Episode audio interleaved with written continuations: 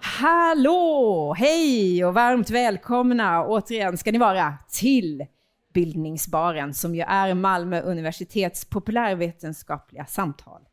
Där vi lyfter upp aktuella ämnen och samtalar med forskare och andra inbjudna gäster. Det är jätteroligt att se att så många har tagit sig hit. Ikväll ska vi prata om det mänskliga omdömet och den artificiella intelligensen. För AI handlar ju om så mycket mer än teknik, eller hur? Det handlar ju om våra mänskliga värderingar. Vem är det som sätter reglerna? Vilka värderingar ska styra maskinerna och dess beslutsfattande? Och är det så att det mänskliga omdömet har någon plats i det framtida AI-samhället? Ja, det får man ju verkligen hoppas. Och en fråga är ju, ska vi göra allt bara för att vi kan? Mm, det tänker jag vi ska fundera på tillsammans här ikväll. Jag heter Cecilia Nebel och jag är jätteglad att få säga välkommen till våra tre gäster här ikväll. Det är Martin Berg här som är professor i medieteknik och docent i sociologi vid Malmö universitet.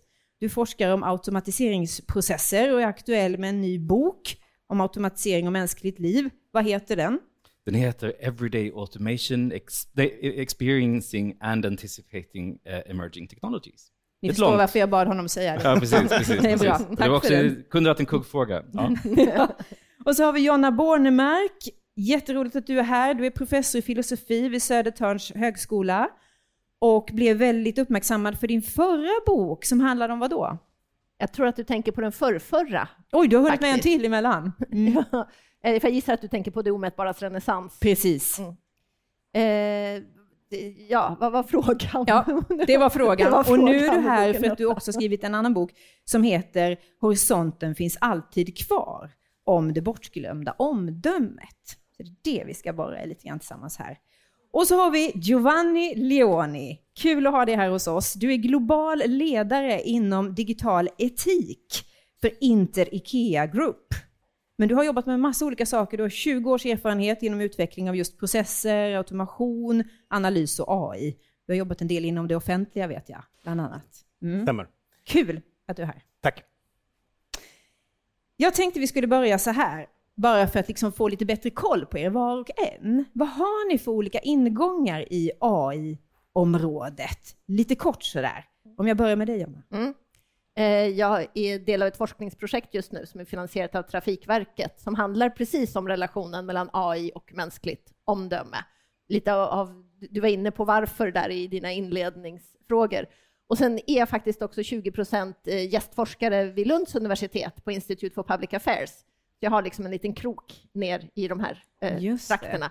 Och där det tema som jag leder handlar om relationen mellan AI och mänskligt omdöme. Mm. Men man måste ju säga att som så här forskningsbakgrund, det jag egentligen kan något om är ju snarare mänskligt omdöme än AI.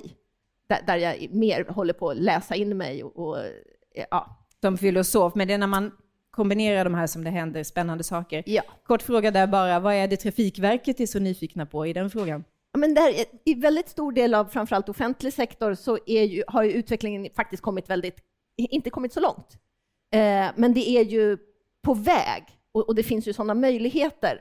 Och samtidigt växer alla de här etiska frågorna och frågorna kring ja, men hur ska vi göra och vad är viktigt att tänka på, kanske lite innan vi drar igång de allra största projekten. Så att jag tror att det är därför de har liksom varit intresserade av att men inte bara kasta sig helt i famnen på en, en eh, teknikoptimism utan att på något sätt vara teknikfientlig, utan ha liksom ett mer nyanserat förhållningssätt. Så uppfattar jag deras drivkrafter. Det låter smart. Är det så på IKEA också, att man vill jobba med båda perspektiven? Och vad är din roll där? Ja, jag kan ju svara på det, alltså på, på, på frågan först. Eh, och jag tror att de flesta företag, men också offentliga organisationer, vill göra saker smartare, mm. eh, göra saker bättre och man har sakta men säkert vaknat till och tänkt att ja, men avancerad teknik kan göra detta smartare. Man har sett potentialen för det. Eh, så att man kombinerar de båda delarna av en, en, en iver att göra saker smartare och bättre, eh, att använda avancerad teknik på ett bättre sätt. Och det kan man se i både IKEA, Trafikverket eller, och de flesta större eh, organisationer. Det som är intressant är det som också Jonna var inne på, är att vi börjar tänka på att vi, vi, behöver, vi gör ändå bedömningar i hur vi ska göra detta, vad det ger för effekt. Och det är väl, tror jag, en del av en naturlig mognad, att vi börjar inse att ja, men de här, den här tekniken är inte bara fantastisk i sig, utan det har också en betydelse hur vi använder det. Och det är därför du har titeln digital etik, att det är det ja, du jobbar exakt. med? Ja, så att jag har liksom det i, i över 20 år drivit uh, utvecklingsprocesser. Uh, mycket inom uh, det analytiska området, att se men hur kan vi använda data i stora mängder för att nå insikter och göra smartare antingen affärer i privat sektor eller inom den offentliga sektorn så var det att göra smartare kommun för Malmö stad. Och för mig så har det varit många gånger att kunna själv, kan man säga på egen kammare, balansera. Ja, men göra någonting smartare och använda data och teknologi. Uh, och det, jag är glad för att jag, kommer, jag kan engagera mig i att även ta in den här tredje dimensionen. Att hur kan vi göra rätt? Hur kan man designa processer eh, och använda data i global skala eh, för att eh, även in, både eh, inte göra dåligt, men även bidra till gott. Och allt det där ska vi fördjupa oss i lite grann, vad är gott till exempel. Men först, Martin Berg, vad har du för tik på detta? Eh, för att knyta an eller använda ett ord som Giovanni här lyfter fram så kanske jag kan sägas forska om huruvida prylar egentligen är så, så värst smarta. Eh, och jag kanske inte riktigt tror att det är så. Eh, jag har väl i, ja, väl i tio år kanske forskat om eh, sociala plattformar som Facebook och liknande och sen om självövervakningsteknologier som Apple Watch och den typen av prylar. Och nu senast eh, så driver jag ett forskningsprojekt om, om automatiseringsprocesser, framförallt i offentlig sektor, men där jag är mer intresserad av förväntningar på, vad de, på, eller den typ av förväntningar som finns ute i organisationer hur man, hur man tillskriver egenskaper och förhoppningar och um, en, en, en önskad liksom, framtida bild av vad de här teknologierna ska kunna leda till.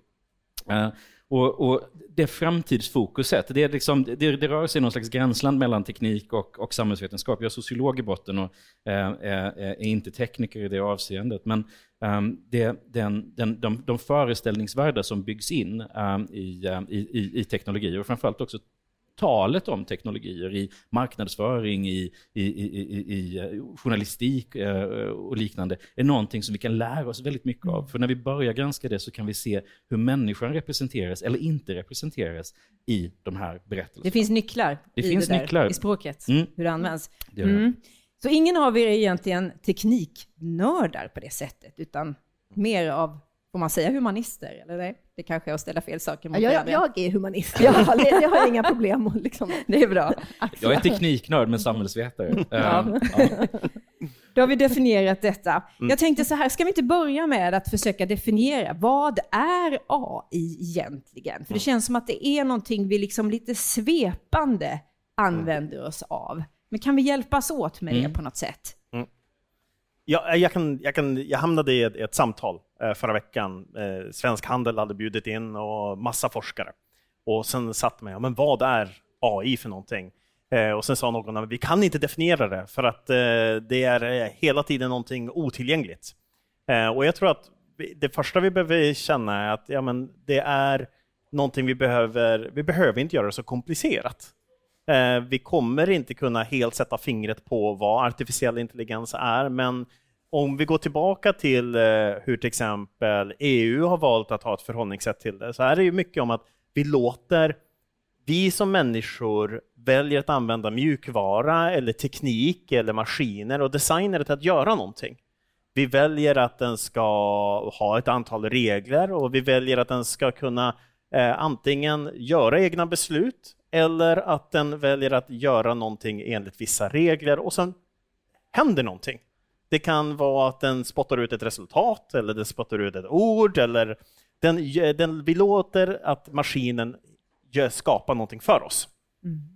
Eh, och jag tror att det, vi behöver nog inte gå in i för mycket detaljer för att teknikområdet rör sig så fort. Så att vår föreställning om vad artificiell intelligens är idag kommer att skifta om två till tre år. Eh, men vi kan nog förenkla det till den punkten att vi har designat maskiner att göra någonting och den är, gör det mer eller mindre autonomt. Håller ni med om det? Um, jag vet inte. Mm. jag tänker att man kan vända frågan på så sätt och fundera på vad, vad är det en AI kan? Mm. Vad, vad är det de, liksom, vilka förmågor använder den? Eh, snarare än, än liksom, vad är det? Eh, och det de kan är ju hantera väldigt stora mängder av data. Eh, och de kan se, eh, har ett mönsterseende. Eh, de kan lära sig av, av liksom det där mönsterseendet och utveckla av det. Är det där intelligensbegreppet kommer in? Ja, ja precis. Det, det är det jag tänker, att, att det är de förmågorna eh, som vi lyfter fram som intelligens. De, de har en problemlösande förmåga utifrån redan bestämda grundfaktorer. Så att eh, om man tittar på mänsklig intelligens så skulle jag säga att AI inledningsvis så, så härmade ju den. Den ville kunna det människor kan. Och så, så allt AI kan, kan ju människor också, men AI har ju blivit bättre än oss. Eh, framförallt på att hantera stora mängder data till exempel, eller se en viss typ av mönster. Och så där. Människor kanske ser en annan typ av mönster ibland. Så, så att eh, den, den har ju liksom delar av det vi kanske ska kalla en mänsklig intelligens, men är bättre än människor på de delarna. Jag gissar att nästa fråga sen Ja, är, vi- är vad mänsklig Ja, intelligens vi ska är, ju så vi komma lite den. grann till det, så vi sparar För, där. för Men det är ju förstås i kontrasten här det är förstås. som, som det liksom... Det är ju så, men då har vi liksom lite två perspektiv här. Vad kan den göra och lite grann vad är den och försöka förenkla. Ja. Har vi fler dimensioner? Ja, det kanske vi skulle kunna bjuda på. Um, ja, ja, jag tror att vi, vi ska akta oss lite för att, tänka AI som, som, som den, som att den har något slags subjektstatus. Identitet. Identitet, att det, att det är något. Ja, men precis. Alltså AI är digitala system. Eh, det, är liksom, det är programvara eh, eh, som, som på ett eller annat sätt anpassar sig till den värld de lever i. Men då, är det också, då måste vi också vara lite noga med vilka begrepp vi använder, för det är inte vår värld. Alltså, AI vet ingenting om människor, AI anpassar sig till data. Eh, och då måste vi se, vad är det för slags data som de får tillgång till? Jo, men det är data som kanske genereras av mänsklig aktivitet via olika typer av, vad kan det vara, sensorer eller, eller liknande. Va? Det är inte så att de förstår mänsklig värld. Den mänskliga världen, annat än när den har blivit översatt till, till data. Så, så i det sättet är, är, är, vad heter det, är ju AI inte kanske någonting som, är, som har kunskap. Det kan vi komma också komma tillbaka till sen. Jag- Förmågor, men kanske inte kunskap. Precis, precis.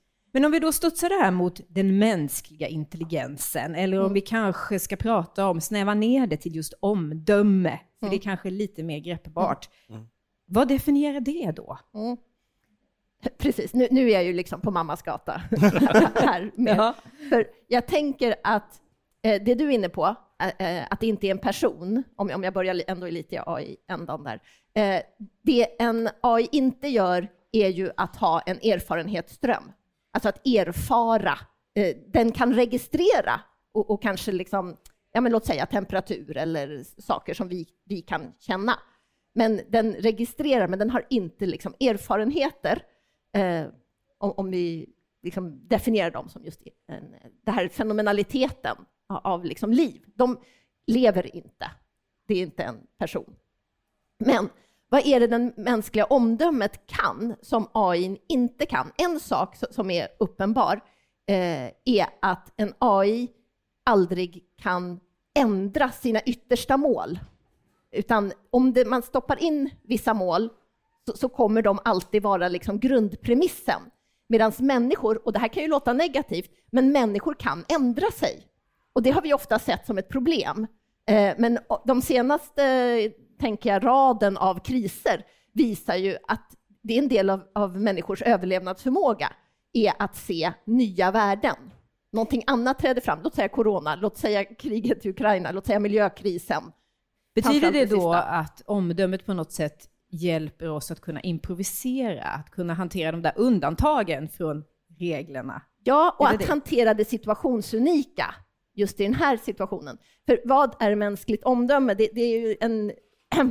Jag ska försöka att inte hålla liksom en jättelång föreläsning här, men det inkluderar det som vi ofta kanske viftar bort lite som någonting som inte är så viktigt, nämligen subjektivitet.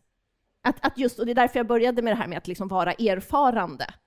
Eh, för vad inkluderar mänsklig subjektivitet? Jo, det inkluderar att, att ha sinnesintryck, att bygga erfarenheter, att ha känslor.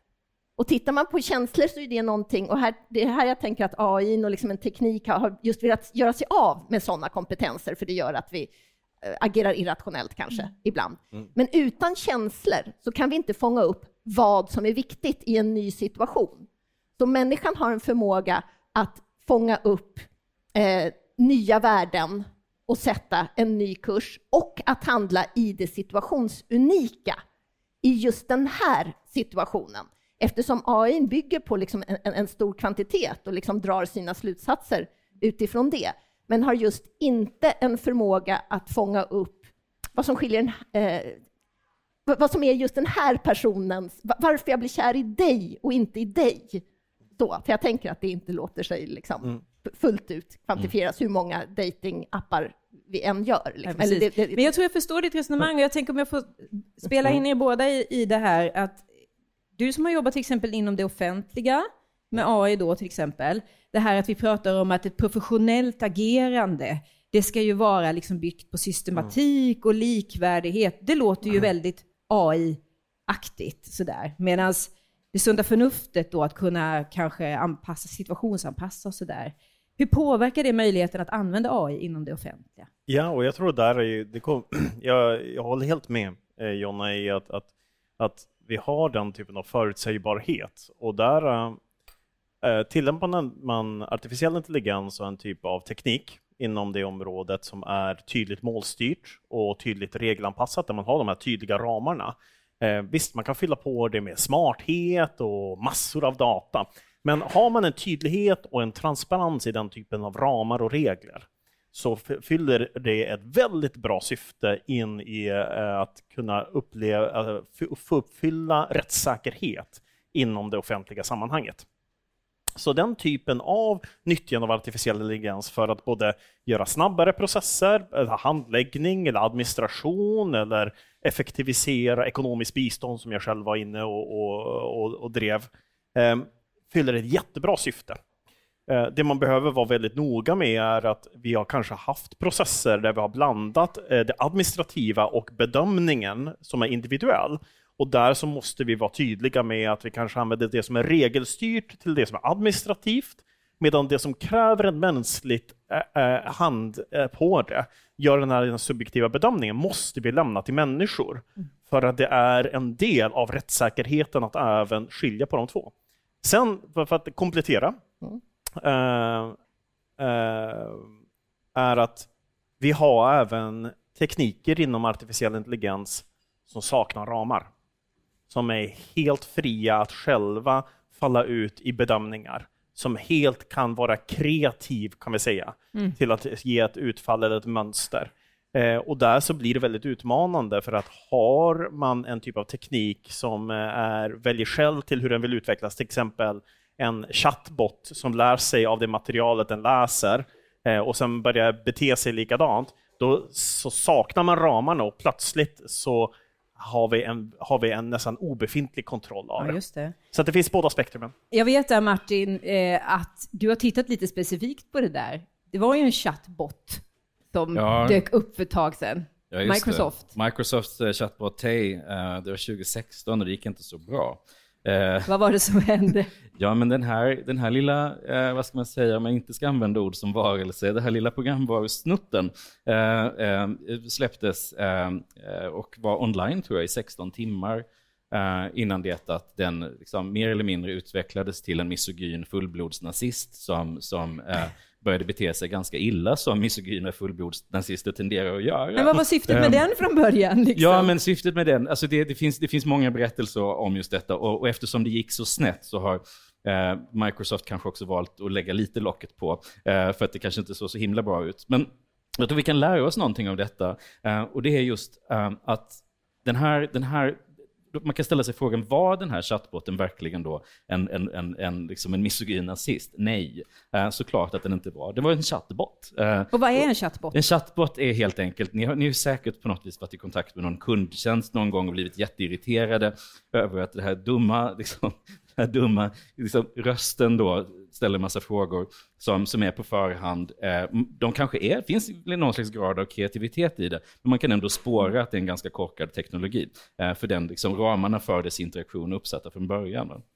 Eh, och den här, just i det här fallet så tränades den här chattbotten av, av just data som kom från Twitter.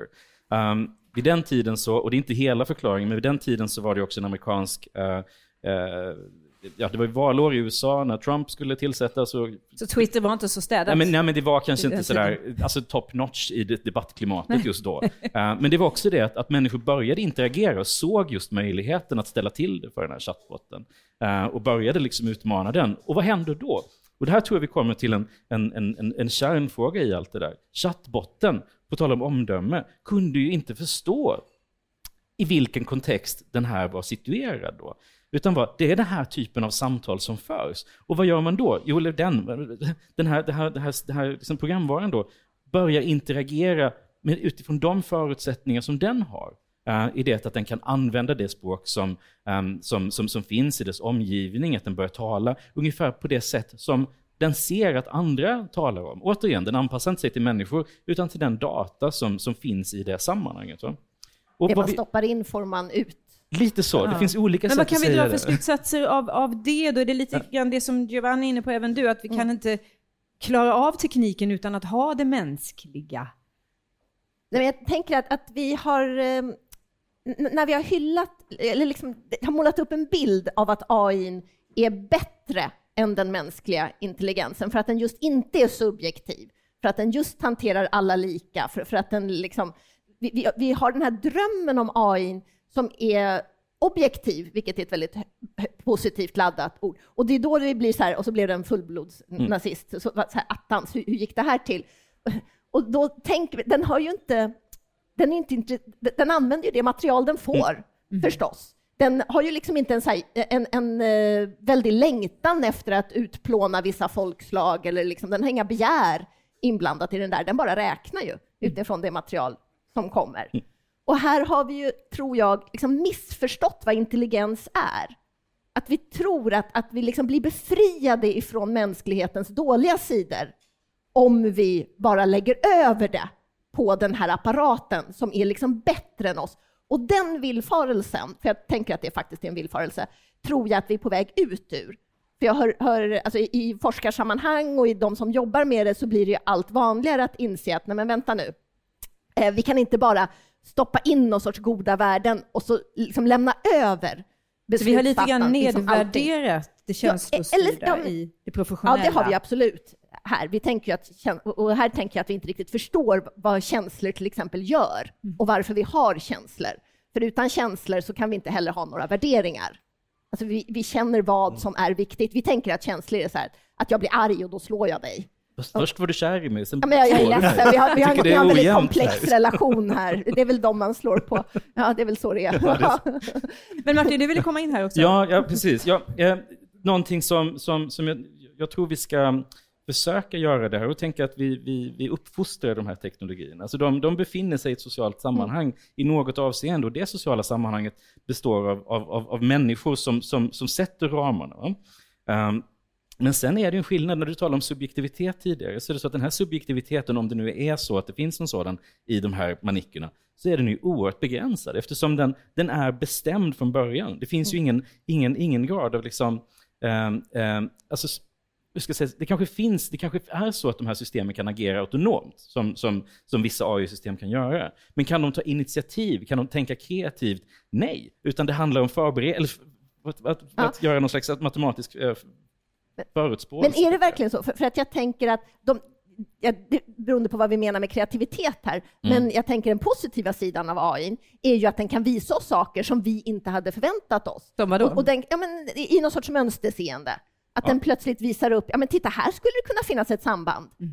Ja, shit, det, alltså, det tycker jag är liksom den positiva och den roligaste användningen av AI.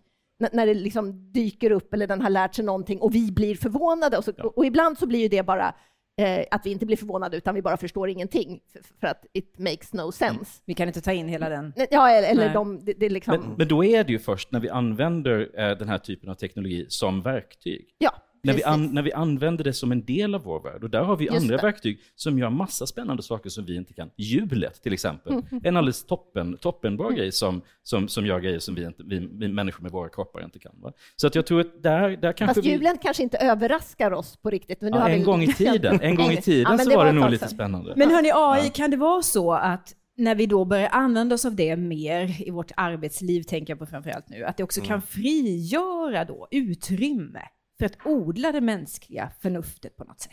Ja, ja jag tror att det, det, det både Martin och Jonna är inne på är medvetenhet kring detta. Jag tror att vi börjar få en ökad medvetenhet både av värdet av att använda denna typ av eh, teknik till att effektivisera. Alltså vi, vi har massa prylar här framför oss. Liksom. De är smarta på grund av artificiell intelligens. Att, liksom, att vi effektiviserar eh, hur varor går runt i hela världen och alla de här apparna och allt det. Ja, men det är på grund av att det finns underliggande smart teknik. Eh, det som är intressant är medvetenhet, är att vi behöver veta vad gör det bra och vart är människan ska ta vid. Vad är det vi människor är riktigt duktiga på? Och en sak som vi människor är jätteduktiga på eh, och kanske har underskattat är att sätta ramarna för vad är okej. Och vi är också väldigt duktiga på att titta när någonting har hänt, att säga tycker vi att det är okej?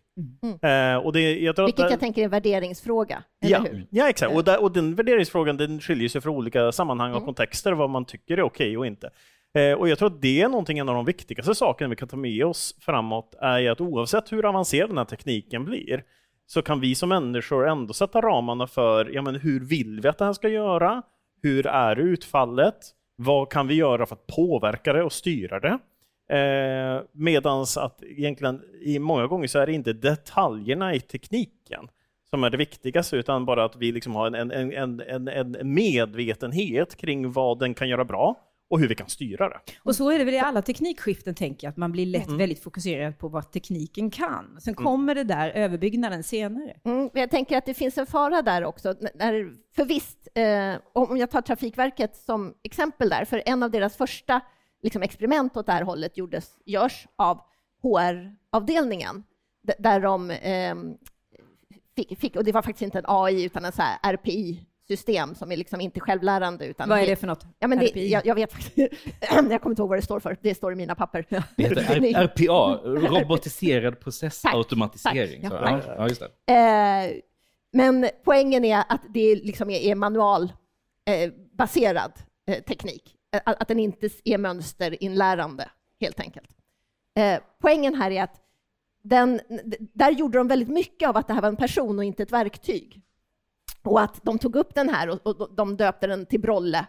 Eh, som De personifierade, de personifierade den den, fick funktionen. liksom, och, eh, en mejladress och, och eh, den, chefen säger att ja, men jag har 28 medarbetare, 26 stycken människor och två datorer, för Brolle fick en syster som hette åh, Beata, nej, någonting, ett kvinnligt Okej. namn. Men vad, vad är Men risken poängen med här, det menar ja, du? ja. Nej, men för, för det här är ju poängen att det skulle liksom frigöra kraft och utrymme för att eh, människor, så istället för att växa, de behövde inte sparka någon, för det är ju en oro förstås att det liksom tar jobben från människorna.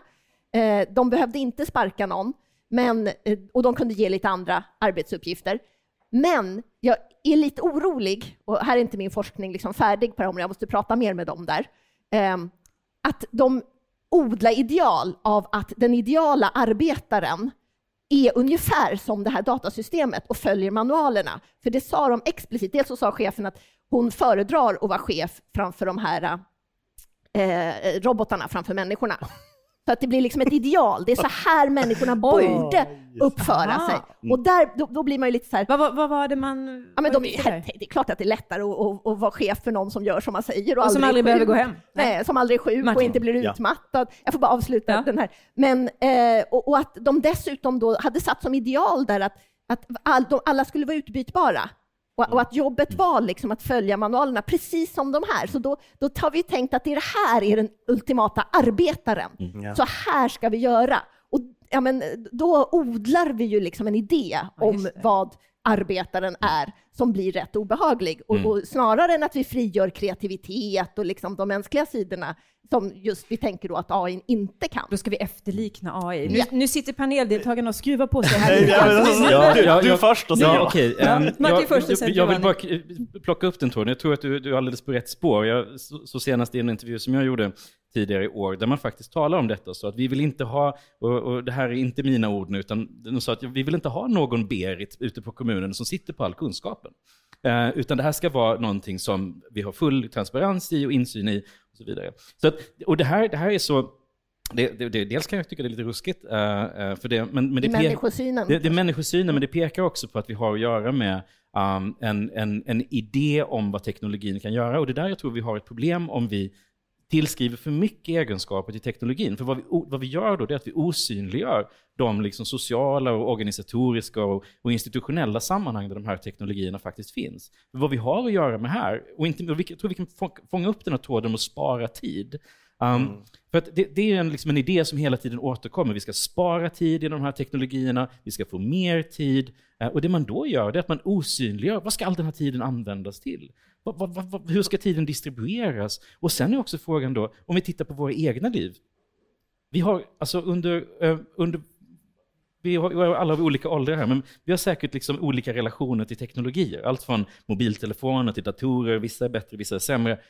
Och, och det är ganska mycket, de krånglar ju ganska mycket och vi, vi behöver liksom ägna tid åt att göra, liksom, de behöver omsorg, de behöver repareras och de behöver fixas och trixas. Så vi snarare kan se här, tror jag, än att vi sparar tid, det är att vi får nya arbetsuppgifter. Och, och, och att vi kanske snarare behöver fler teknologier för att ta hand om alla de extra arbetsuppgifter. Så att vi bara, det blir liksom som ett, ett, en, en, en, en evig expansion på något sätt. Och det tycker jag är någonting, om man ska titta på sådana exempel som Trafikverket eller andra delar av det offentliga där man arbetar med automatisering, det är att vi behöver se detta som en som implementeringen av artificiell intelligens eller andra typer av automatiseringsteknologier som del av en större transformation. Där vi kanske istället för administratörer plötsligt får datavetare eh, som, som, som arbetar i organisationen. Och där tycker jag vi kan ställa frågor som går bortom teknologin för att förstå vad tusan teknologin egentligen handlar om. Tror jag. Men det är ju intressant det här med vad ska vi göra med tiden Mm. som vi frigör? Och jag tänker att du är inne på någonting här John, att till en början så skulle vi efterlikna det mänskliga. Nu ska det mänskliga efterlikna det artificiella.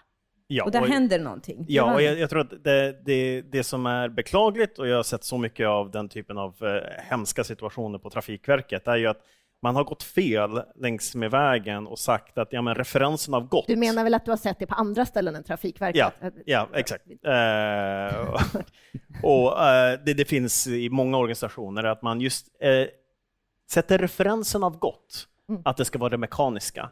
Där vi behöver ta ett steg tillbaka och egentligen prata om ja, men vad är det vi människor verkligen bidrar in till en situation. Eh, vad är det vi kan bidra med som är just genuint mänskligt och vad är det som är relevant att automatisera och vad är gränssnittet däremellan? Jag drev, och jag tror att det här är giltigt både när det gäller väldigt avancerade saker som eh, kanske självlärande artificiell intelligens eller mer regelstyrd automatisering med RPA. Det är lika här. Eh, den, jag drev en, en automatiseringsresa på eh, arbetsmarknads och socialförvaltningen i Malmö stad och frigjorde tiotusentals timmar av tid. Men innan vi gjorde det så pratade vi om varför har socialsekreterarna sina jobb? Vad är värdefullt för dem? Vad bidrar de till? Och de ville vara närmare de, sina klienter och de sökande familjerna de kan hjälpa. Och när det var tydligt, ja, men då, då gick vi in i nästa steg och pratade, ja, men vad är det som är helt administrativt? Vad, hur kan vi ta bort det? Eh, och där så gick resan till att frigöra timmar. Men jag tror att man måste vara väldigt tydlig med vart man börjar i det samtalet innan man börjar se att det mekaniska är det som är den goda arbetaren, utan snarare är ja, men hur kan vi människor kunna komma fram och ta plats? Eh, och sedan så, ja men det som tekniken kan göra, men låt den göra det och göra det så smart och snabbt som möjligt. Men handlar det inte om just det, tänker jag, att särskilja? Snarare än att mixa ihop allting. Att se vad är människor bra på? Vad är... Ja, och exakt också gräns, och gränssnittet. Ja, men vad är det vi som människor, som du var inne på också, Martin, är ju att ja, men vad behöver vi människor ha för kompetens för att på bästa sätt nyttja detta? Eh, vad behöver vi för att kunna eh, tydligare sätta förväntningar och styra och, och använda den här typen av tekniker på ett smart sätt? Ja, precis. Men här är Martin först. Ja, det här jag tror vi tänker många gånger ute i industrin och i, i verksamhet, att man tänker lite fel kring, kring den här typen av teknologier. För att det, det finns en, ett antagande om att man ska ta bort liksom, tråkiga arbetsuppgifter och monotona arbetsuppgifter och så vidare. Um, och då kan man ställa sig frågan, vi är på en restaurang nu, um, Tänk om kocken här bara skulle montera rätter. Uh, alltså det, det, det, finns något feltänkt där. Jag tror att man lär sig någonting genom att liksom skiva lök, att, att kunna stycka en, eh, en gris eller vad man styckar. Liksom. Alltså, alltså, eller filea en fisk. Jag tror man lär sig någonting av det och, och får en förståelse också för vad slutresultatet kan bli. Så att, och, och, och, men det finns, och där tror jag också vi behöver sätta blicken då på, på de här organisatoriska förväntningarna på eh, AI och automatiseringsteknologier och kanske säga att det kanske inte är just så. Det kanske är så att vi behöver förstå det mer som, mer som verktyg. Och skulle vi förstå det mer som verktyg, då tror jag att vi skulle hamna i en situation som inte är fullt så dramatisk som den som ofta blir, där vi, där vi tänker oss att det ska komma någon slags liksom mörda AI bara dräpa allihopa. Det, det, det, jag tror att det, det skulle kunna vara ett, ett, ett mm. sätt för att förenkla för oss för att tänka på de här frågorna. Ja. Jag tänker Johanna, om jag bara får fråga dig, för att det här får mig att tänka på din bok. Eh, just det här att du skriver att vi måste ständigt förhålla oss till det vi inte vet. Att världen är större än den där kunskapen som mm. vi faktiskt har skaffat oss. Mm. Att just horisonten alltid flyttas. Jag tänker på det när jag hör Martin prata om att skiva löken. Att det finns mm. någonting där, att vi behöver liksom förstå helheten. Mm. Alltså, kan du förklara lite vad du menar med det i det här sammanhanget, att horisonten flyttas? Ja. Um, jag tänker att mänsklig intelligens där är just att förhålla sig till att inte veta. Och här har vi liksom en, en problematisk eh, historia. Eh, moderniteten i sig har handlat mycket om att göra om icke-vetande till små pusselbitar. Just där vi kan säga, det där vet vi inte vad det är. Forskningsansökningar ska se ut precis så. Här har vi all kunskap och det där, där saknas det forskning. Den där lilla pusselbiten saknar vi och sen måste vi tala om exakt vad vi ska läsa, vem vi ska prata med, hur vi ska göra för att kunna täcka den där lilla pusselbiten. Och det är, liksom det är ett väldigt begränsat förhållningssätt till att inte veta. För, och här är eh, ett, ett långt resonemang om att eh, där jag använder Nicolas Cusanus från 1400-talet, för han pekar ut snarare att vi alltid befinner oss inom horisonter av icke-vetande. Världen är liksom alltid större än vad mänskligt förnuft kan greppa. Och, och om jag, eh, så, så den här horisonten betyder ju att världen fortsätter, trots att jag inte kan se den. Precis som när jag tittar på dig så uppfattar jag att du är levande eh, och att du har tankar och känslor, men jag vet inte vilka tankar och känslor. Mm. Att, att jag ser att jag inte ser. Just det. Och, och jag tänker att bara den, det förhållningssättet till att det finns saker jag inte vet att världen fortsätter ständigt, vilket betyder att det inte är uteslutet. Vi kan ju sitta och prata och så berättar du om dina erfarenheter och vi kan lära känna varandra. Men att du är levande betyder att horisonten alltid finns kvar, men den kan förskjutas. Och horisonten betyder också att eh, det kanske finns en ö vid horisonten. Jag kan åka dit, skapa massa kunskap, men horisonten är ju kvar. Och så åker jag dit och skapar kunskap, men horisonten är kvar.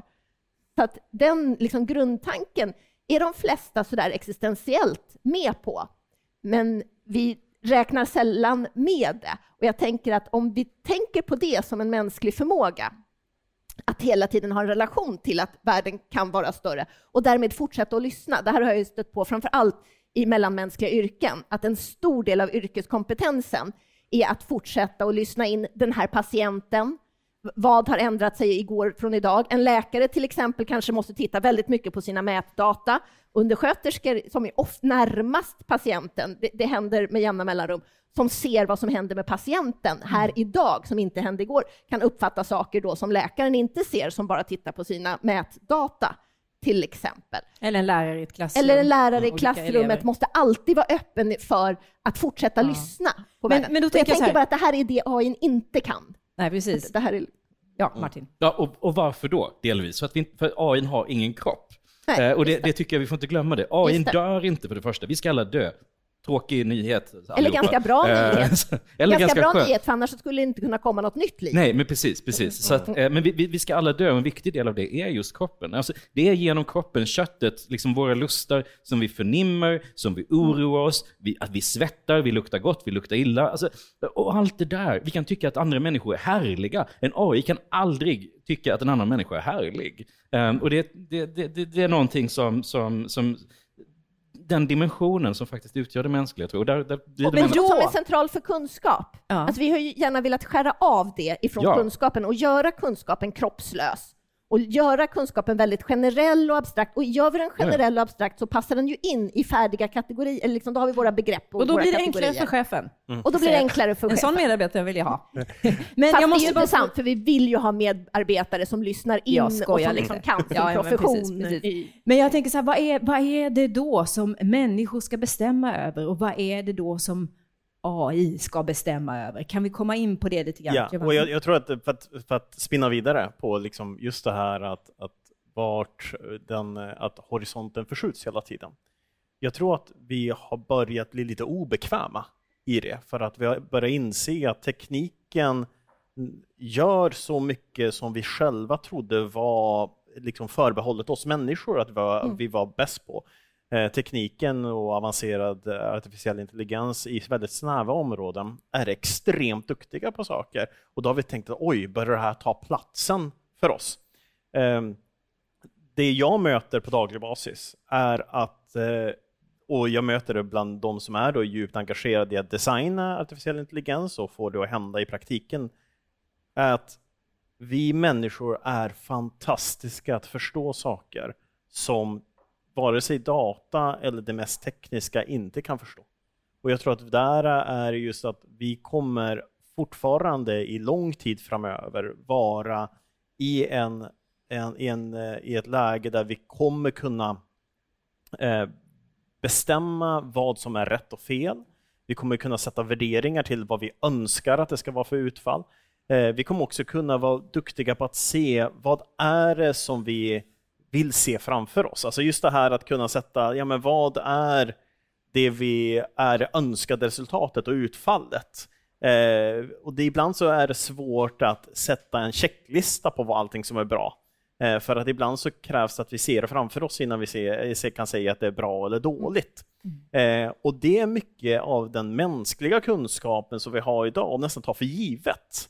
Eh, Medan när vi hamnar i situationer där vi faktiskt behöver utvärdera och kontrollera tekniken och se så att den gör rätt, då börjar vi faktiskt kunna se att vi spelar en mycket större roll än vad vi har trott. Det blir som en slags superpower, tänker jag. utan tvekan, och jag tror att nästan att att, att, att, att vi att vara eh, drivna av värderingar, eh, att ha en koll på vilka värderingar vi vill, till exempel inom, ett, inom en nation eller inom EU eller inom organisation eller bara liksom i ett rum, kommer att vägleda oss till att faktiskt se att ja, men det är en superkraft. Det är det vi kan använda som kunskap till att ändå om den här tekniken gör fantastiska saker, så kommer vi kunna bidra någonting till bordet som är unikt. Ja, men verkligen. Men Martin, Mm. ditt projekt, du jobbar ju med eh, ett projekt som har titeln Vad händer när kollegan är en robot? Ja, eller, en- ja precis. Ja. algoritmisk kollega, Ja. som det så tjusigt skulle heta. Men det ja, här precis. värderingsstyrda som en slags mänsklig superpower som vi måste odla och utveckla och så. Har du sett det hända? Ja, alltså, nej, inte riktigt. Alltså, både, det finns föreställningar om det. Jag tror att den föreställningen om, om liksom, superkrafter, om, om att vi ska kunna få den här liksom, optimerade, eh, effektiva organisationen med, med strömlinjeformade flöden och, och närmast utbytbara liksom, roller i det. Um, det är definitivt en, för, en, en, en föreställning som, som, är, som är rådande i den här utvecklingen.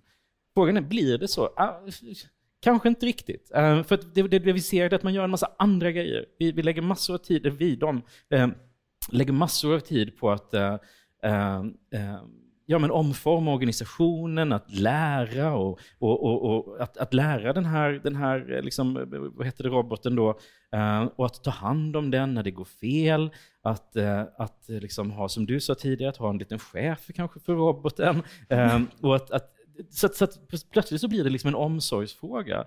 Um, och där också, vi måste också synliggöra alla de, Alltså alla de marknadskrafter som faktiskt också involverar det här i. Det här är inga billiga prylar som, som, som, ehm, som, som köps upp av kommuner och andra offentliga organisationer, utan det är någonting som kräver väldigt mycket pengar, det kräver plötsligt också, som jag sa tidigare, nya roller och kanske en ny fördelning av, i, i den interna organisationsstrukturen. Sådär. Så att, um, men, jag, men jag tror återigen att, att vi, vi behöver tänka på um, så att jag säger inte helt emot det här att vi kan, jag kanske inte skulle använda superkraft, jag tror definitivt att vi kan använda den här typen av verktyg, för det är så jag vill se det, som någonting som kanske kan hjälpa oss att, att um, att, att, att se andra saker som våra kognitiva förmågor inte riktigt räcker till. Vi kanske kan se just mönster i data. Mm. Vi kanske kan, vi kanske kan, men ibland kan det också ställa till problem. Vi kanske ser för mycket mönster. För att, mm. jag menar, det, det, det är inte alltid bra att ha så mycket mönster. Jag, jag, jag, tänker att ni bytte plats på superkraften här, va? för du menade den här mänskliga värderingsförmågan och du bytte till AI, bara så att jag förstår ja, vad ni pratar om. Men jag. men jag tänker att, för, för, jag vet inte om det är en mänsklig superkraft. Det, det är liksom det, det mänskliga grundsättet att fungera. Vi kanske måste uppgradera det till det, för det ja. kommer kunna styra. Ja, ja. Men jag skulle vilja lyfta fram en annan eh, perspektiv. Vi pratar, för mig så pratar vi om olika typer av kunskaper och vad liksom människor behöver kunna och vad AI kan. Till exempel värderingsförmåga är liksom också någonting som vi faktiskt kan odla och någonting som vi kan träna. Och så har vi tänkt rätt lite. Eh, om man tänker på vad man lär sig i skolan till exempel och vilken kunskapssyn som är rådande där, så faller just det får, får väldigt liten plats. Eh, vi lär oss det till exempel i, i ja, men, estetiska färdigheter också, kring, liksom, hur, där du är inne på liksom, en sinnlig kunskap. Vi, vi värderar ju väldigt högt en viss typ av teoretisk kunskap och förmåga, och framförallt idag eh, att kunna prestera eh, fort och mycket och på bestämt sätt. Men jag skulle lyfta upp ett annat begrepp som vi inte varit inne på, eh, och det är de-skilling. Alltså, vilka praktiska kunskaper behöver vi fortsätta kunna? Idag så tänker alltså de-skilling, att man, piloterna eh, fortsätter att landa planen för att de känner att, eller de känner, man har kommit fram till att det är bra om en pilot kan landa ett plan. Och, mm. eh, om vi har en autopilot som kanske i och för sig kan göra det just nu, men så en dag så är autopiloten trasig. Mm. Och så sitter man där uppe mm. och så har piloten inte landat planet på, på 20 år och glömt bort hur man gör. Det är de-skilling. Mm. Eh, och, och, det här för, tänker man ju då, men vilka kunskaper? Ja, men det är bra att piloterna kan landa för ma manuellt också. Det, det, känns tryggt om vi nu ska flyga, vilket vi förstås inte ska göra. Mm. Men det var en annan diskussion. ja. Men jag tänker här att, eh, apropå filea fisk, eller apropå eh, eh, framförallt automatiserat beslutsfattande, där mm. blir ju de-skilling jätteläskigt, för, för då tränar sig människor på att inte ta ansvar, på att inte kunna fatta beslut. Mm. Och det är liksom i de värsta version, för mig, liksom versionerna av AI där vi lämnar över besluten Just det. till AI. Drar man det mm. långt så... och, och, drar man det långt så, så mm. blir vi någonting helt annat. Istället ja. behöver vi liksom odla den delen av mänskligheten som kan värdera och fatta beslut Precis. och ta ansvar. Men jag måste fråga er då, det här med värderingar är ju supersvårt. Det vet vi ju. Alltså vems värderingar ska styra? Och du mm. som jobbar globalt med de här frågorna, tänker jag, det finns ju olika etik, olika värderingar som styr på olika platser. Hur ska man komma överens? Ja, eh, och jag, bara en, en, kort kommentar till de-skilling och sen går vi över till ja. globala värderingar. Jag tror att eh, vi kan aldrig släppa för att förstå hur saker fungerar vi kan aldrig släppa till att vi måste bibehålla kunskap till hur saker är designade, hur de fungerar, vad är det som eh, får dem att eh, triggas och hända och att vi har en kontroll på det längs med vägen. Då släpper vi det, släpper vi till exempel beslutsfattande, då är vi utan tvekan inne på ett farligt område där vi faktiskt släpper vår mänskliga autonomi till maskiner. Så att jag håller helt med.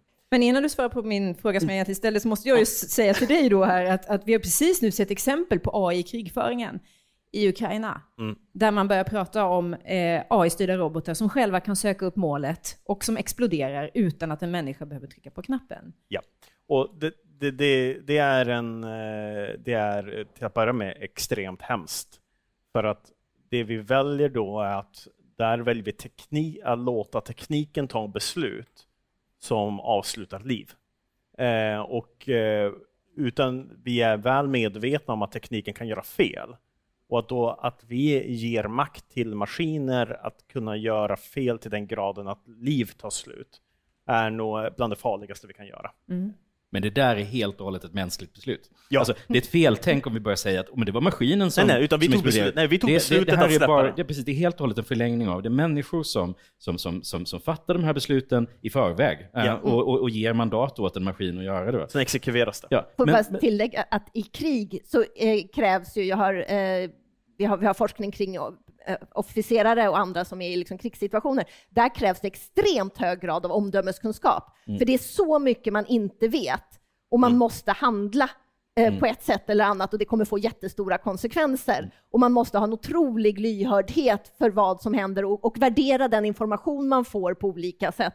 Så det, det är liksom en, en otroligt komplex kunskapssituation att fatta beslut i krig, där just den här, det blir ju en otrolig förenkling när man skickar in eh, den sortens automatiserade Så- vapen.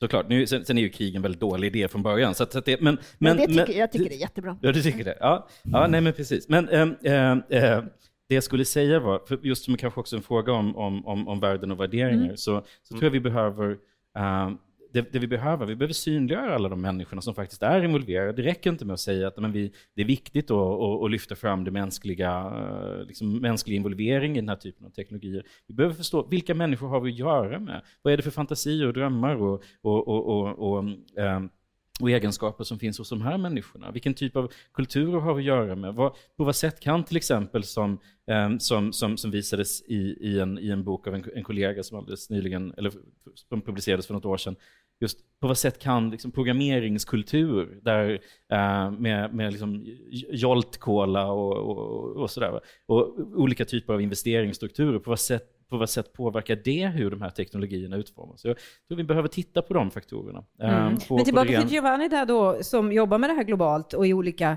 kontexter, tänker jag. Vad, vad är det för värderingar som spelar roll där? Där- eh, Och där tror jag en, en eh, jag håller helt med eh, Martin, jag tror att det där är en, en, en, en viktig ståndpunkt är att vi behöver i, oavsett om vi är i ett digitalt sammanhang eller ett analogt sammanhang så behöver vi möta människor där de är i att förstå vem de är, att var, är det så att de har situationer eller kommer i sammanhang där de blir påverkade, som till exempel att man är en, en stor eh, detaljhandelsaktör som Ikea, ja men då behöver man förstå vilka människor man, man möter i, där, både online och, och i, i den fysiska världen. Eh, och att involvera och liksom lyssna in. Man kan liksom inte bara slå dövörat till utan man behöver vara inkluderande. Eh, och det är alltifrån hur man designar till att man ser utfallet av det. Eh, med det sagt så är det att är man verksam på 63 marknader över hela världen, inklusive Ryssland, Kina, Saudiarabien, så eh, betyder det att vissa saker som man väljer att stå för, eh, an, antingen kan man gå vägen att vara liksom så här, ja, men an, fullt anpassningsbar. Eller så väljer man att gå den linjen som eh, ja, men ett bolag som Ikea, men också många andra, alltifrån ja, men Heineken till andra, Unilever och andra stora aktörer. Att man väljer att stå för någonting. Du skulle kunna driva någon Ja. slags linje. Ja, exakt. Man, man står för ett antal värderingar. Man står för en referensram av vad man tycker är rätt. Och ibland så är det någonting som är obekvämt i vissa sammanhang. Och i andra sammanhang eh, så kan det liksom vara självklart. Det är, det är till exempel ett kulturellt sammanhang som Sverige eller Nordeuropa eller Västeuropa. Eh, det jag tror är egentligen det viktigaste här är ju att man står för någonting. Man är transparent med vad man står för och varför man gör det. Och sedan så får världen utanför liksom också förhålla sig till det. Men det kan ju Eh. gå åt olika håll då. Mm. Ja. Jonna, För, för, för att säga, ehm, vi står ju alltid för någonting, men många företag står ju bara för att vårt syfte är att tjäna så mycket pengar som möjligt till aktieägarna. Ja. Det är ju liksom en värdering i sig och att maximera det och det är vårt liksom etiska uppdrag att, att liksom ta så mycket beslut som möjligt så, så att vi tjänar så mycket pengar som möjligt åt de här människorna. Mm. Så att, eh, jag tänker att här är bara lite hur stort vi, vi eh, ser den här värderingsfrågan. Och idag så är det, tycker jag, är fullständigt omoraliskt att inte sätta miljömål över pengar till aktieägarna. Det, det Men det är som sagt liksom en värdering. Alla gör Det, det är en värdering, absolut. Ja, Eh, fast det är en värdering som alla människor som tänker att det ska fortsätta att finnas en, en planet som vi kan bo på. Alla gör det eh, fortfarande är inte, men liksom- kanske borde. Nej, men eh, ja, Martin? sak samma. Men för, för, jag bara, Ja. för, för jag tänker att vi ofta tänker på värderingar också som någonting som är just vä- väldigt subjektivt, att, att vissa, att oli, folk är olika. Men det du drar mot också är ju våra kollektiva värderingar. Och vi skapar ständigt olika typer av kollektiv, olika typer av professioner till exempel, eller olika typer av, av organisationer, liksom ett rum där vi formar, som vi kan vara olika inom, men som har sina yttre ramar. Och de där ramarna, de är också alltid lite i transformation. Eh, så jag tänker mm. att de behöver också alltid lite bakas. Och, och, det är vad mänsklig tradition liksom gör, vad mänsklig organisation gör. För de, det finns alltid, som du säger, att, att vi måste vara transparenta med dem.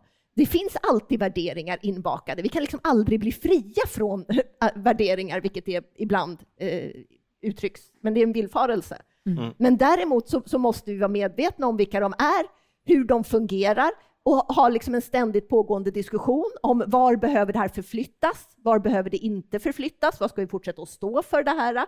Så det viktiga här är ju att ha en infrastruktur och en kompetens att, han, att hantera värderingsfrågor. Återigen så är vi liksom dåliga på att fostra det, dåliga på att bygga infrastruktur för det. För vi, vi, är liksom lite nyvakna nästan i den frågan. I det här teknikskiftet. Ja. Hörrni, jag har två väldigt stora frågor som jag hade velat hinna med. Frågan mm. är om vi vågar ge oss in på, på båda. Jag gör ett försök så får vi se om ni kan ge mig lite ledtrådar Korta. i alla fall. Jag tänker nämligen på det här med att kan vi all, kommer vi alls kunna lita på AI i framtiden när vi har, ni vet, syntetisk data i form av deepfake-bilder, video, ljud. Allting verkar kunna vara fake på något sätt. Eh, mm. Och ändå så lägger vi så mycket kraft på att lägga över så mycket ansvar på AI. Hur ska vi våga göra det? Korta svar från var och en. Mm. Jag tänker att hela vår diskussion visar att vi, vi måste ha ett ständigt liksom, omdömesarbete och informera oss om det finns olika typer av eh, missinformation. Mm. Och, och liksom hantera det. Vi befinner oss alltid i ett informationsflöde där saker kan vara liksom fake. Så att jag tänker egentligen så förändrar inte... Eh, din grundfråga här är ju hur mycket ska vi lita på? Och då är frågan vad ska vi lita på istället? Jag tänker att vi har pratat rätt mycket om att vi inte får glömma bort att det är det mänskliga omdömet som måste stå för liksom de slut, som måste ta ansvar. Mm. Som måste fortsätta och liksom leva upp till det ansvaret. Precis. Och då blir den frågan lite annorlunda. Liksom. Ja, mm. helt rätt. Ja, det, det, är klart att det kommer vara knepigt, men det är redan knepigt. Folk ljuger, för det första. eh, så att, så att, alltså, det, är inget, det, är inget nytt att, det är inget nytt att folk är lögnaktiga. Det är liksom en helt mänsklig, mänsklig egenskap. Och, eh, och, men det är klart att det kommer vara svårare att kanske särskilja vissa visuella eh, uttryck i, i, form av deepfakes och sådär. Och det kan såklart också eh, få betydelse liksom för, en, för en politisk eh, dialog, kanske man ska kalla det, men, men, men liksom politiska skeenden som, som, och, och, och liknande. Det kommer absolut utmanande. Men jag tror att vi behöver vi behöver också fundera då över vad är det för slags kompetens vi behöver? Alltså vad, vad behöver vi för att uh, ta oss an den världen? Kunna uttolka. Uh, ja, men för att kunna uttolka mm. världen som det ser ut. Alltså det kanske vi, och, och framförallt så tror jag att vi kanske inte ska hamna nödvändigtvis i en, i en sån här liksom, en, eh, enbart en teknisk liksom, diskussion, utan att vi kanske också behöver de här mer kritiska, uh, kritiska verktygen för att ställa frågor om saker som till exempel den globala marknadsekonomin, som vi faktiskt inte har pratat om, som, som ligger bakom det och producerar vissa värden mm. um, och, och, och, inte andra, trots att många företag presenterar sig själv som supersköna och härliga. Och jag tänker att vi har pratat mycket mm. här om att värderingar kommer vara viktigt och känslor kommer vara viktiga, men också det här då att kunna detektera vad är sanning. Ja, och det, för att komplettera det, de, de kloka orden från John och eh, Martin är ju att det viktigaste är att vi har en medvetenhet att vi kan inte släppa loss tekniken. Att automat, både liksom text, ljud och bild, att automatiskt föda in i kritiska, rättssäkra processer. Alltså att vi inte är beroende på att ja, men, ser jag någonting på en övervakningskamera så går jag direkt och blir direkt eh, dömd i en domstol och fängslad för att då kan någon föda den typen av teknik för att jag helt orättssäker ska kunna bli dömd för någonting. Eh, och jag tror att, det är att vi måste ha medvetenhet att vi kan inte, vi behöver ha kontrollmekanismer kring hur saker designas och hur vi bevakar dem och att vi inte släpper loss det till att faktiskt skapa en otryggare värld. Så att det är att ha en sund skepsis är nog rätt så, rätt så viktigt att ha med sig. Den sista frågan jag ville ställa till er, den tänker jag faktiskt svara på själv. Mm. Den är så här, bör vi göra allt bara för att vi kan? Nej, det ska vi inte. Det har ni redan svarat på under det här timmeslånga samtalet om det här otroligt intressanta och komplexa ämnet. Jag tänker att det vi tar med oss härifrån det är kanske framför allt att det sunda förnuftet har en alldeles speciell roll i den här teknologiska framtiden som vi går till mötes. Tack så mycket panelen för att ni ville vara med. Tack. Tack. Tack.